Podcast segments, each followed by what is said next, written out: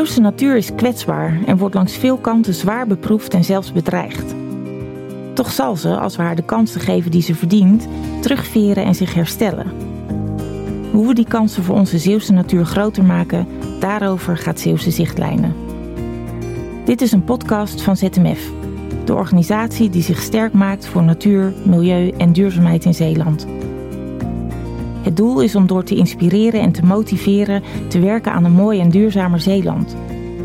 Zeeuwse Zichtlijnen bouwt voort op het inspirerende gedachtegoed van wijle natuurbeschermer en bestuurder Thijs Kramer en de Thijs Kramer-lezing. In deze serie praten we met veruitkijkers en deskundigen over belangrijke thema's. En dit jaar, 2021, is dat biodiversiteit.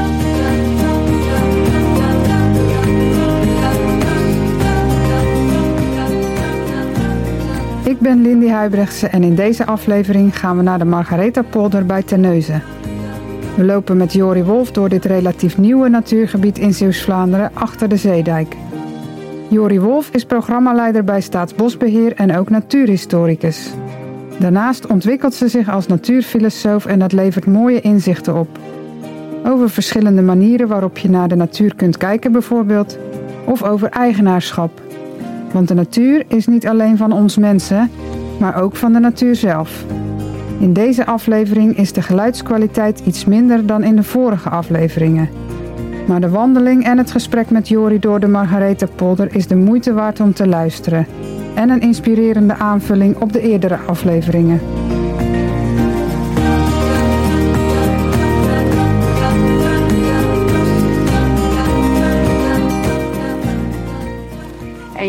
Voor me, ik, ik zie hier Meidoornhagen voor me. Hè. Dus als je uh, het landbouwbedrijf waar we hiermee samenwerken, die is ook daarmee bezig. Hè, om te kijken van hoe kun je ook maatregelen treffen die dus echt helpen in die biodiversiteit.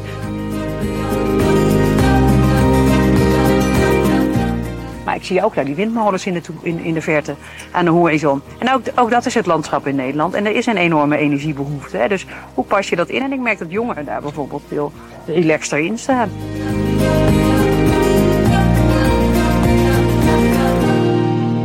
En een kunstenaar die gebruikt andere vormen. Dus een kunstenaar die kan ons helpen om anders te kijken. Iedereen kijkt al anders, maar een kunstenaar die kan dat ook helpen om dat uit te vergroten of je daartoe uit te dagen.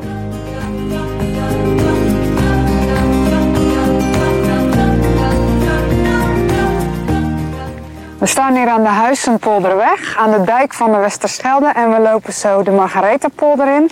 En ik ben hier met uh, Jori Wolf, programmaleider van Staatsbosbeheer. Goedemorgen. Dr. Anders ingenieur, ook adviseur landschap en cultuurhistorie. Ja. Wat houdt je werk precies in? Ja, ik werk al, al meer dan twintig jaar bij Staatsbosbeheer en uh, heb allerlei verschillende functies gedaan overal in het land. En ik ben nu programmaleider op de Nationale Parken landelijk. De Nationale Parken zijn in beweging, dus we werken echt aan, aan de grootschalige natuurgebieden. Maar juist om ze in te bedden in het, in het landschap. Dus dat is uh, waar ik nu vooral mee bezig ben. Maar van huis uit ben ik landschapshistoricus en veel met mijn collega Matthijs Schouten, filosoof, uh, juist bezig geweest ook met het, het, nadenken over natuur en de relatie tussen mensen en natuur. Dus dat is de andere kant die ik ook vaak binnen, binnen Staatsbosbeheer oppak. We zijn hier tussen Terneus en Zaamslag. We lopen bij het vogelscherm het gebied in. Het is een, een voorbeeld van natuurinclusieve landbouw hier ook, hè? Ja, ik denk dat als we wat verder op zijn, dat we daar uh, nou, hopelijk nog wat meer van, uh, van kunnen zien. En uh, het is hier een polder die tegen Terneuzen aan ligt. En op de rand van de Westerschelde. En dat is eigenlijk ook wat ik een, ja, het mooie hier aan vind. Is dat je enerzijds zeg maar die, hè, de, de getijdenwerking, de dynamiek van de natuur hier bij de, bij de Westerschelde. En daarachter een polder waar ook vogels kunnen komen om, voor voedsel, voor rust. Maar ook aan de rand van, van Terneuzen, met daarin dus ook nog een, een boerenbedrijf. Uh, waar Staatsbosbeheer mee samenwerkt.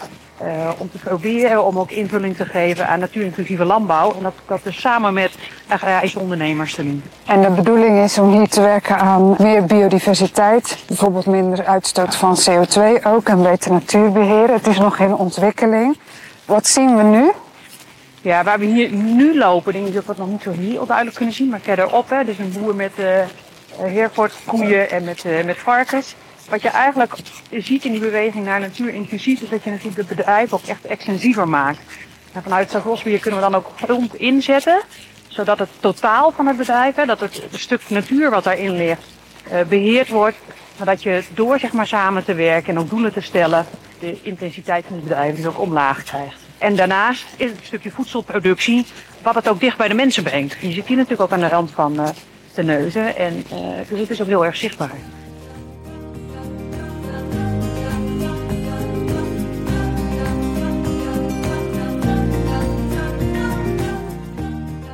Het is zand en klei is het hier. We zien nu nog weinig vogels, maar het is wel een vogelgebied ook. Ja, en ik zie een hele hoge dijk. ja, wat je uh, ziet, met, het is een oude, een oude polder. Uh, polder met, met een, uh, een landbouwgeschiedenis, maar waarbij je ook het krekenstelsel nog ziet. Maar waarbij een, wat in de natuurontwikkeling is gezet, is wat echt een jong gebied nog is. Ik kwam zelf vanaf de kant van Terneuzen aan en dan zie je dus ook dat het gebied vrij intensief gebruikt wordt door mensen. Hier kunnen wandelen. En hoe verder je die polder inkomt, hoe natuurlijk het wordt. Het is een heel open landschap. En het is dus echt inderdaad een, een gebied voor vogels. Ik hoop dat we zo meteen nog wat vogels gaan zien. Eerst eens kijken hoe we hier verder kunnen lopen. Ja, ik denk dat we hier links uh, door de riet kunnen gaan lopen. En wat we hier zien, is dat een voorbeeld voor uh, meer gebieden in Nederland? Wat ik het belangrijke vind aan dit soort gebieden, is dat als je ook natuur op grote schaal en vanuit grote systemen wil herstellen of wil beschermen, dan moet ook natuur dichtbij zijn voor mensen. En wat doet de natuur en de biodiversiteit voor het welzijn van de mens? Ik denk dat natuur in elk geval ook een plek is om na te kunnen denken, om even afstand te kunnen nemen. En uh, daarnaast levert de natuur volgens mij zoveel diensten aan de maatschappij die we soms niet eens waar we ons niet zozeer bewust van zijn. Gewoon drinkwater, voldoende water, buffers voor uh, opvang van water als het niet in een bedreiging vormt, CO2-vastlegging, de lucht. Maar natuur is er niet alleen voor mensen, het is ook van zichzelf. Ja, want het gaat misschien wel wat verder dan alleen maar hebben van een functie voor de mens. Wanneer is de samenwerking tussen de mens en de natuur fundamenteel goed? Ja, dat is natuurlijk wel een beetje een ingewikkelde vraag die jullie, uh, jullie stelt ik vind wel dat we als mens ons af en toe ook wel eens af mogen vragen wie wij zijn. Hè? Dat wij altijd alles bepalen hoe het gaat en hoe het eruit moet zien. En in de vraag die je stelt zit al iets gesloten alsof wij daar ook een soort goedkeuring aan geven. Of dan is het, is het goed, maar de natuur mag er ook zelf zijn. En ik denk dat je in een dichtbevolkt land als Nederland, dat je echt wel echt goed moet zoeken naar die balans. Jan Terlouw zei het ook heel mooi. Eigenlijk zou je bij allerlei overleggen of beraden, zou je daar een lege stoel tussen moeten zetten om na te denken, als je je inbeeldt dat op die stoel het kind zit wat er nog niet is. Dus de toekomst. Of je zit op die stoel de natuur, die geen stem heeft, maar die er wel is. Als je daar even bij stilstaat, hoe neem je dan een besluit? En hoe kijk je dan naar de toekomst? Er lijkt wel meer ruimte te zijn hè, voor de stem ja. van de natuur. Merk je dat om je heen? Nou, ik vind dit is inderdaad wel een voorbeeld waarbij uh, burgers dus inderdaad ook die vraag aan ons stellen. Heb je voorbeelden? Je hebt dan uh, de ambassade van de Noordzee, die dus echt daadwerkelijk de Noordzee een stem geven. Door gewoon iemand dat te laten vertolken. Dus door te zeggen van ik ben de kabeljauw of ik ben de plankton. En, uh, die geven daar dan echt een, stem aan de Noordzee zelf. Dat zijn allerlei bewegingen die je dus in die maatschappij inderdaad nu ziet gebeuren. En daarnaast natuurlijk ook hier met landbouw. Die zegt ja, het, het nadenken over voedsel. Waar komt het vandaan? Uh, hoe gezond is het? Lokale kopen van je voedsel. Dat is iets waar je nu echt wel beweging in.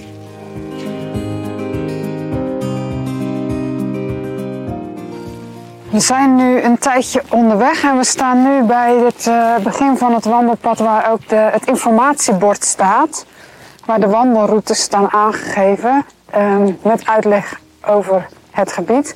Ja, we zijn natuurlijk echt op de rand van een, moderne woonwijk. Hè. Dus we lopen net de dijk af en je loopt de, de polder in. Hè. Dus je ervaart echt dat je die polder inloopt.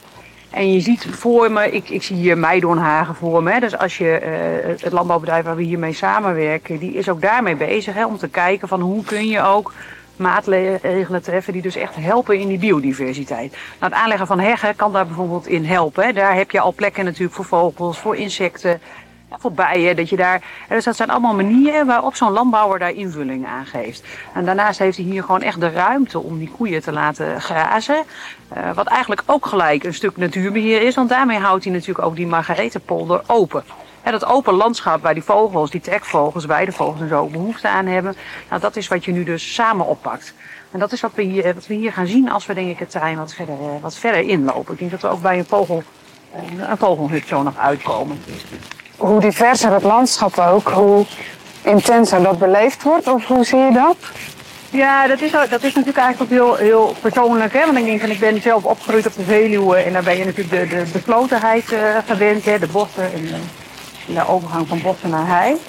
Zeeland voelt voor mij ook een beetje als thuis, dus ik hou heel erg van open landschappen. Maar de meeste mensen, en daar is ook heel veel onderzoek naar gedaan, die houden van een mate van beslotenheid. Het liefst eigenlijk met een soort overgang. Hè, van dat je dan nog ver terug gaat. Hè, dan was het natuurlijk altijd als je richting jager-verzamelaar uh, zelfs gaat. Je moet natuurlijk water hebben, dekking hebben. Uh, dus die overgang, bosranden of struwelen naar het openen.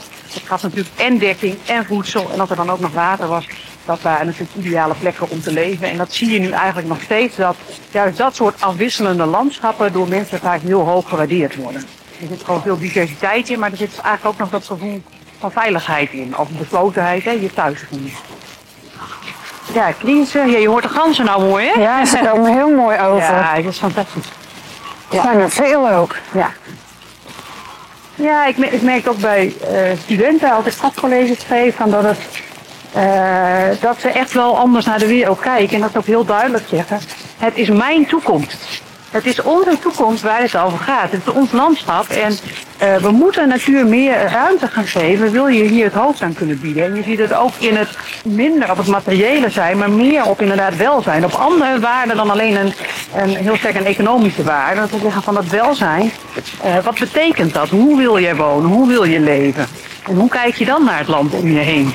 En hoe zou je dat dan inrichten of beheren? Die, zijn, die kijken dus echt wel wezenlijk op een andere manier. Ja, en het is heel ingewikkeld om je gedrag aan te passen. Ik denk dat we daar allemaal, uh, uh, dat we allemaal wel voelen dat er misschien iets moet veranderen. En dat het moeilijk is om het in je eigen patronen te doorbreken en om daar uh, invulling aan te geven.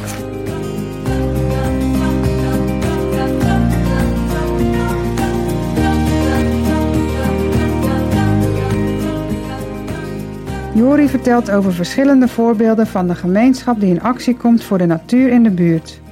Zoals toen het strand van Vlieland vol lag met containers toen een vrachtschip zijn lading verloor en er moest worden opgeruimd. Mensen zijn geneigd in actie te komen als iets hen raakt. En jongeren misschien nog wel meer. Ik vraag me dan ook meteen af, hoe lang blijft het dan duren? En gaan diezelfde mensen dan ook minder bestellen in China bijvoorbeeld? Of ja. denken aan die containers ik ga ze niet meer vullen. Ik ben daar heel optimistisch over, mede omdat je dus inderdaad, als je jongeren spreekt, studenten spreekt, die denken daar dus inderdaad over na. En het zal niet uh, van de ene op de andere dag allemaal veranderd zijn. Maar ik denk dat we uh, mede door dit soort virussen en noem maar op, dat we wel steeds meer met dit soort vragen ook geconfronteerd worden. Ja, dus ik van, dat, is, dat is volgens mij wat je, uh, ja, wat je wel met elkaar deelt en wat gewoon helpt om dat inderdaad natuur dicht bij mensen te brengen. Dus enerzijds voor die grote gebieden te staan, zodat je, hè, want wil je echt inderdaad water op kunnen vangen, CO2 vastleggen, en, nou, en met klimaat bezig zijn, dan heb je echt wel grote gebieden nodig. Maar daarnaast heb je dus dit soort plekjes nodig, zoals hier, de Margaretha-polder, waar mensen gewoon lekker buiten kunnen zijn en daar een band mee opbouwen. En daar een goed gevoel bij hebben. En ik denk dat dat iets is, die, die andere waarde die natuur heeft, eh, die veel meer misschien op, op gevoel ook zit, die mag er ook zijn. Uh, ik denk ook als grote maatschappelijke organisatie ook een, een, rol in hebben om daar dus inderdaad ruimte te bieden aan die ontwikkeling en dat te stimuleren. Want ik denk, als je hier voor je kijkt, dit ziet er fantastisch uit hoor. Die koeien daar onder die bomen, en je ziet die vraatlijn van de bomen. Je ziet hiervoor al die, eh, die, die ganzen natuurlijk zitten in het grasland. De kreken die er doorheen lopen, net, hè, die ganzen die net ook allemaal overvlogen.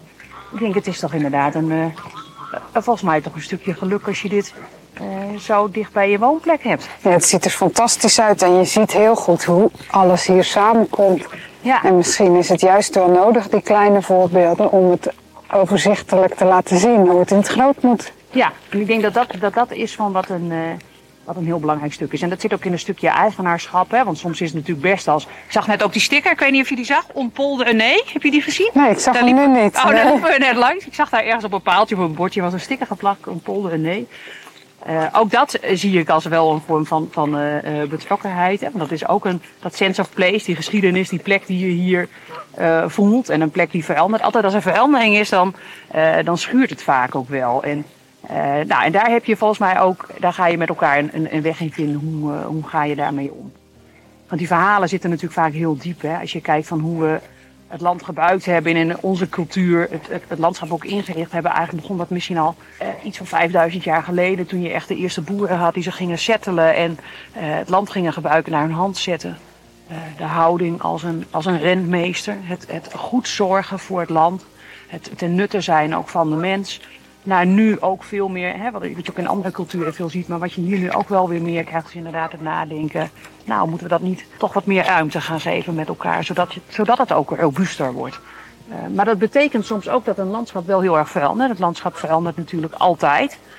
Uh, maar hoe ver durf je daar ook uh, de natuur zijn gang in te laten gaan?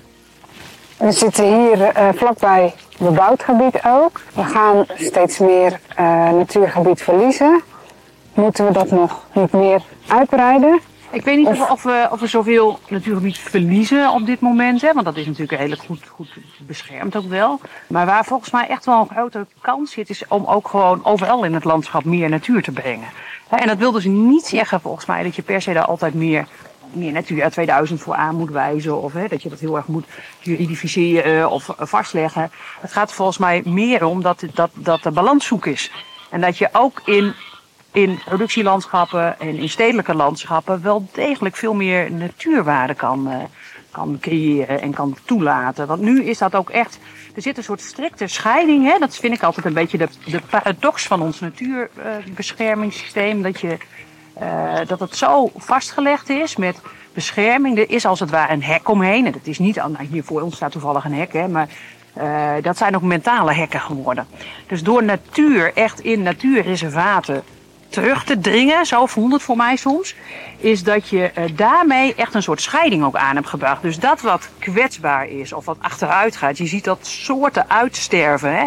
mede door ons toedoen. En dat, dat voelen we niet, want het is niet dichtbij. Je kan rituelen inbouwen, hè? Van je kan ergens afscheid van nemen, maar bij natuur die je verliest of soorten die verdwijnen, hebben we daar geen rituelen meer voor. Maar dat is ook omdat het zo ver buiten ons zelf is komen te staan. Dus we hebben een soort uh, vanuit volgens mij een hele goede bedoeling. En ik denk ook dat we absoluut door moeten blijven gaan met wel natuurreservaten beheren en aanwijzen. Maar daarnaast zou je natuur nog zoveel meer ruimte kunnen geven. En dat is niet alleen voor de natuur zelf een winst, maar ook voor mensen. Hè? Want ik denk van wat we, waar we het net allemaal over gehad hebben, is wel van dat dat welzijn, hè, van dat, dat, dat zit hem ook inderdaad wel in die natuurkwaliteiten die je veel meer ook in, uh, in landelijk gebied en in stedelijk gebied door zou kunnen laten, laten druppelen. Maar die hekken, die mentale hekken eigenlijk om natuur, die hebben ook gezorgd voor een beetje hier mag niks en daar mag alles. En dat zwart-wit denken, dus volgens mij hebben we heel veel behoefte aan geleidelijke overgangen. En in het landschap en in die stedelijke omgeving ook. Om juist die verbindingen weer meer te leggen. Dus dat is en een profijt voor de natuur. Want je krijgt meer geleidelijke overgangen, meer diversiteit. Maar ook meer ruimte voor mensen om daarin te gaan. En dat is volgens mij wel waar een, nou, waar we nu in Nederland ook echt voor staan. Omdat we zo'n zo'n dichtbevolkt land zijn. Dat ik denk, ja, daar, daar moeten we iets uh, voor verzinnen met elkaar. Nou, dat is volgens mij wat ook overal natuurlijk nu op, op agenda's terugkomt. En waar we heel hard aan werken. En waar je onder andere door inderdaad dus uh, uh, samen te werken met boeren. En soms schuurt dat best. Hè, van je moet daar natuurlijk samen uitzien te komen. Van hoe je die natuurinclusieve landbouw ook vormgeeft. Nou, hier staan we bij een voorbeeld waar dat al zo is. Binnenkort wordt een volgende contract hier ondertekend in in Zeeland met een andere, andere agrariër en akkerbouwer. Hè, dus dan heb je eigenlijk uh, weer wat anders. Uh, nou, je ziet dat het allemaal stapjes zijn, waardoor we het samen dichterbij kunnen gaan brengen. Ja, ik kan me ook voorstellen door de natuur meer in stedelijke gebieden toe te laten, dat er ook meer begrip misschien komt. Ja. Want jouw voorbeeld van, ja, je neemt afscheid van soorten die er niet meer zijn, maar dat staat ver van je af, dat leeft ja. misschien toch weer meer als je het dichterbij brengt. Ja, dat is het. En ook inderdaad, hè, van beperken we dat tot een zondagmiddagwandeling in de natuur. Dat, hè, maar ook in het onderwijs zit het ingebakken. Van ik ben nu bezig met middelbare scholen. Maar dat doen we dan via het kunstonderwijs. Dus ze zeggen van, goh, uh, bij het basisonderwijs is het nog redelijk eenvoudig hebben we educatieve programma's weer naar buiten. Middelbare school wordt al iets lastiger, misschien qua leeftijd en zo. Maar dat wil niet zeggen dat ze er niet met die vraagstukken bezig zijn. Dus daar hebben we ook gevraagd van, in wat voor landschap wil jij leven in de toekomst? En ga dat maar vormen. En de vorm is vrij.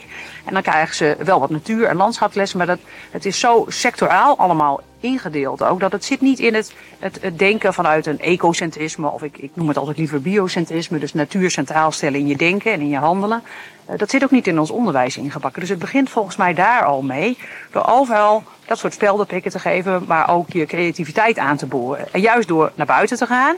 En die ruimte te ervaren en daarover na te denken. Dus ook even afstand te nemen, letterlijk, hè, van je, al je dagelijkse beslommeringen. Komt er ook meer creativiteit en, en kun je ook beter ervaren. En dus ook inderdaad komen daar hele mooie ideeën uit van hoe je daar aan, aan vorm kan geven. Dat ze op zijn minst nadenken van, hé, hey, hoe gaan we eigenlijk uh, deze klimaatverandering het hoofd bieden? Of uh, hè, hoe kun je dan inderdaad, als je dan denkt vanuit CO2-vastlegging, nou dan komt dan een gebied er eigenlijk uit te zien? Of, hè, want hier zie je wel mooi die polder. En ik, ik focus graag op dat, dat boomgroepje daar met die koeien daaronder. Maar ik zie ook daar die windmolens in de, in, in de verte aan de horizon. En ook, ook dat is het landschap in Nederland. En er is een enorme energiebehoefte. Hè. Dus hoe pas je dat in? En ik merk dat jongeren daar bijvoorbeeld veel relaxter in staan. Zeggen van ja, dat is nou eenmaal uh, het landschap van nu. En uh, geen enkel probleem als daar een windmolen aan de horizon staat. Ja, we werken een beetje toe naar de toekomst natuurlijk. Ja. Wat, wat zou jouw boodschap zijn voor de natuur in dit soort gebieden?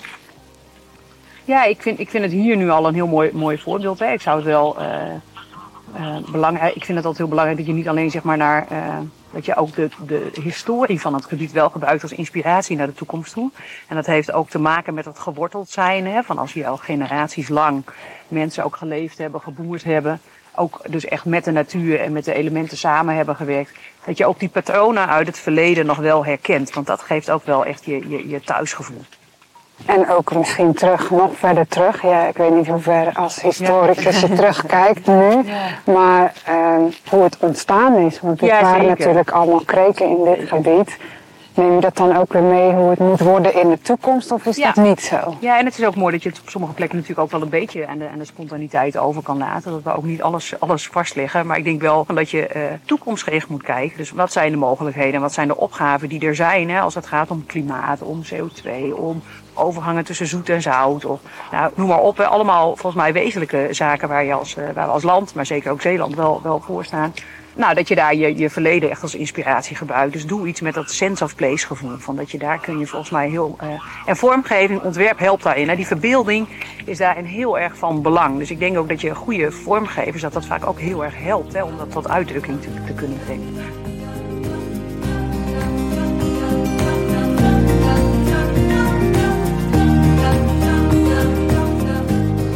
En een kunstenaar die gebruikt andere vormen. Dus een kunstenaar die kan ons helpen om anders te kijken. Iedereen kijkt al anders. Maar een kunstenaar die kan dat ook helpen om dat uit te vergroten of je daartoe uit te dagen. Om echt op een andere manier naar je gebied te kijken. Dus ik denk dat dat nog iets is wat we, hè, dat is ook wat we nu met die middelbare scholen doen. Dat doen we via, bewust via het kunstonderwijs. Het is een cultureel bewustzijn. Maar de natuur plaats je erin. Want natuur is een enorme inspiratiebron. Ook om, om uh, als kunstenaar te kunnen werken.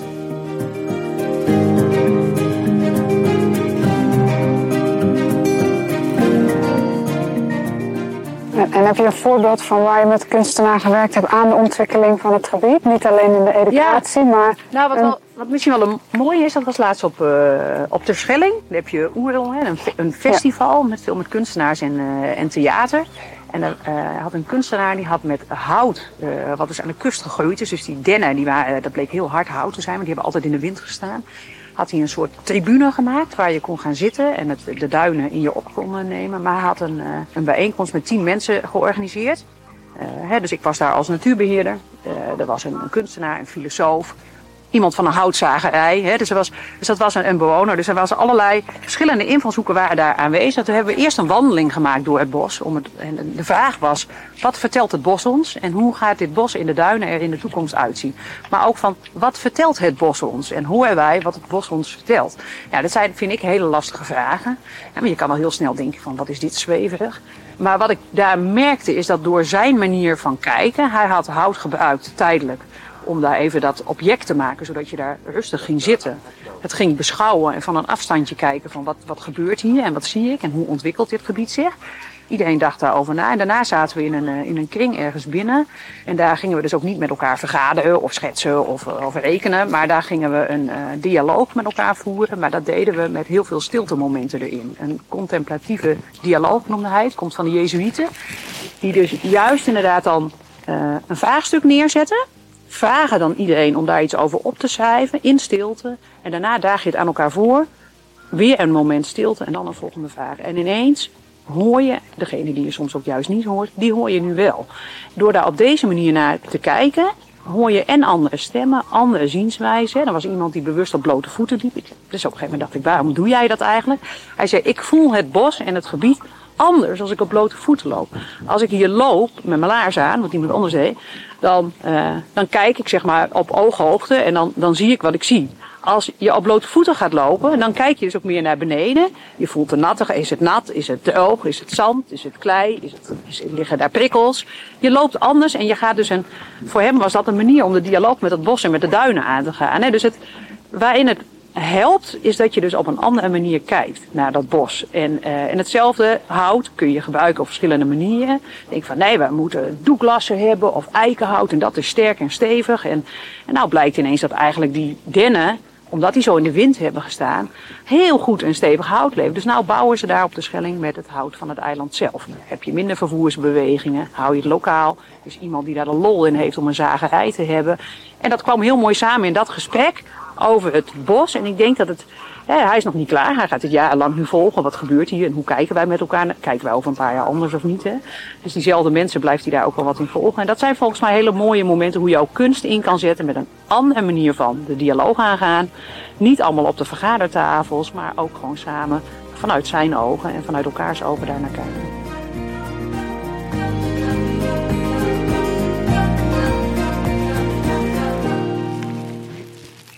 Daarnet hadden we het natuurlijk ook eigenlijk al een beetje over om op verschillende manieren naar de natuur te kijken.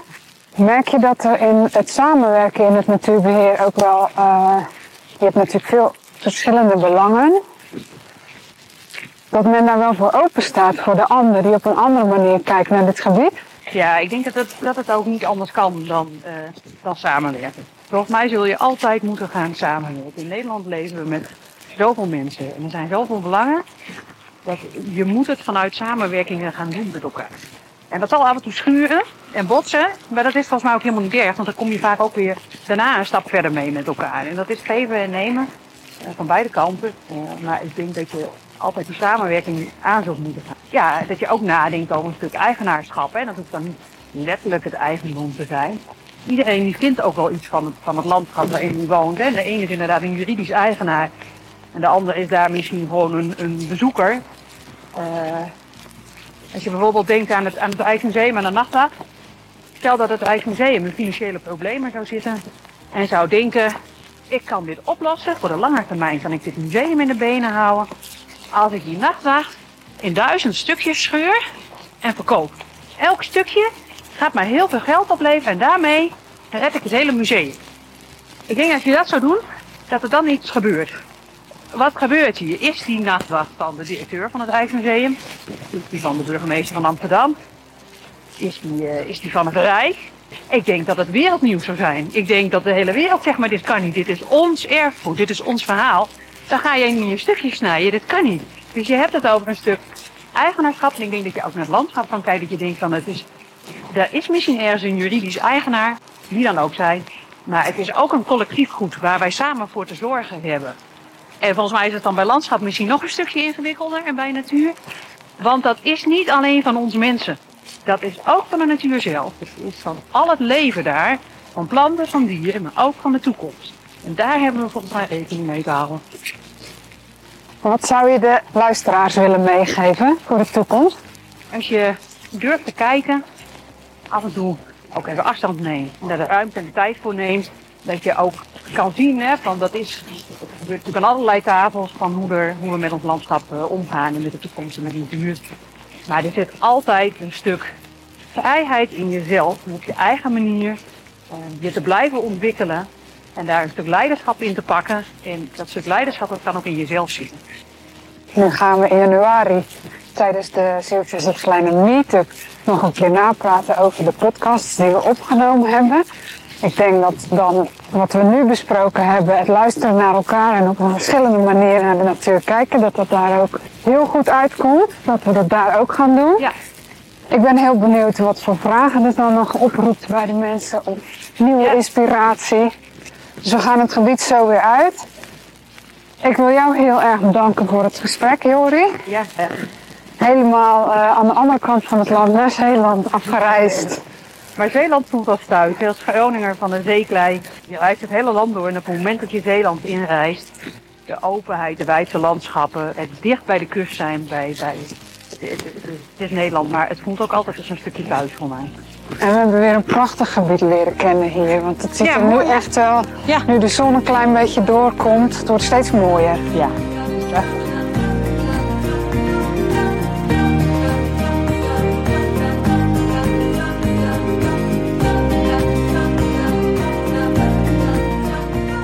Deze aflevering sprak ik met Jori Wolf over natuurinclusieve landbouw, je verbonden voelen met de natuur om je heen en hoe biodiversiteit bijdraagt aan het welzijn van ons allemaal.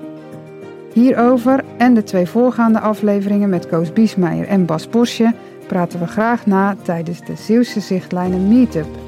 Een interactieve live-uitzending op 12 januari 2022. Met verschillende gasten waarbij je online kunt aansluiten. Mijn naam is Ira van Harras, directeur van ZMF. En het mag duidelijk zijn, ZMF zet zich in voor een rijke biodiversiteit. Wat kunnen we leren van onze gasten bij Zeeuwse Zichtlijnen? Na de reeks podcast zou ik hier graag met jullie over napraten tijdens de Zeeuwse Zichtlijnen Meetup.